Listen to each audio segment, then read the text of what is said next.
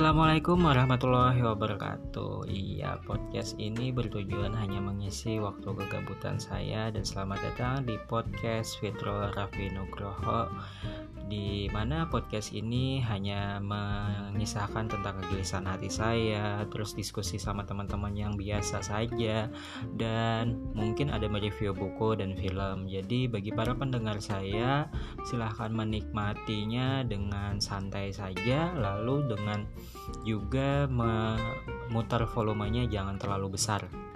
usahakan yang setengah saja soalnya kalau telinga anda rusak dengan suara yang aneh ini saya tidak akan bisa bertanggung jawab untuk ke dokter THT selebihnya saya mohon maaf terima kasih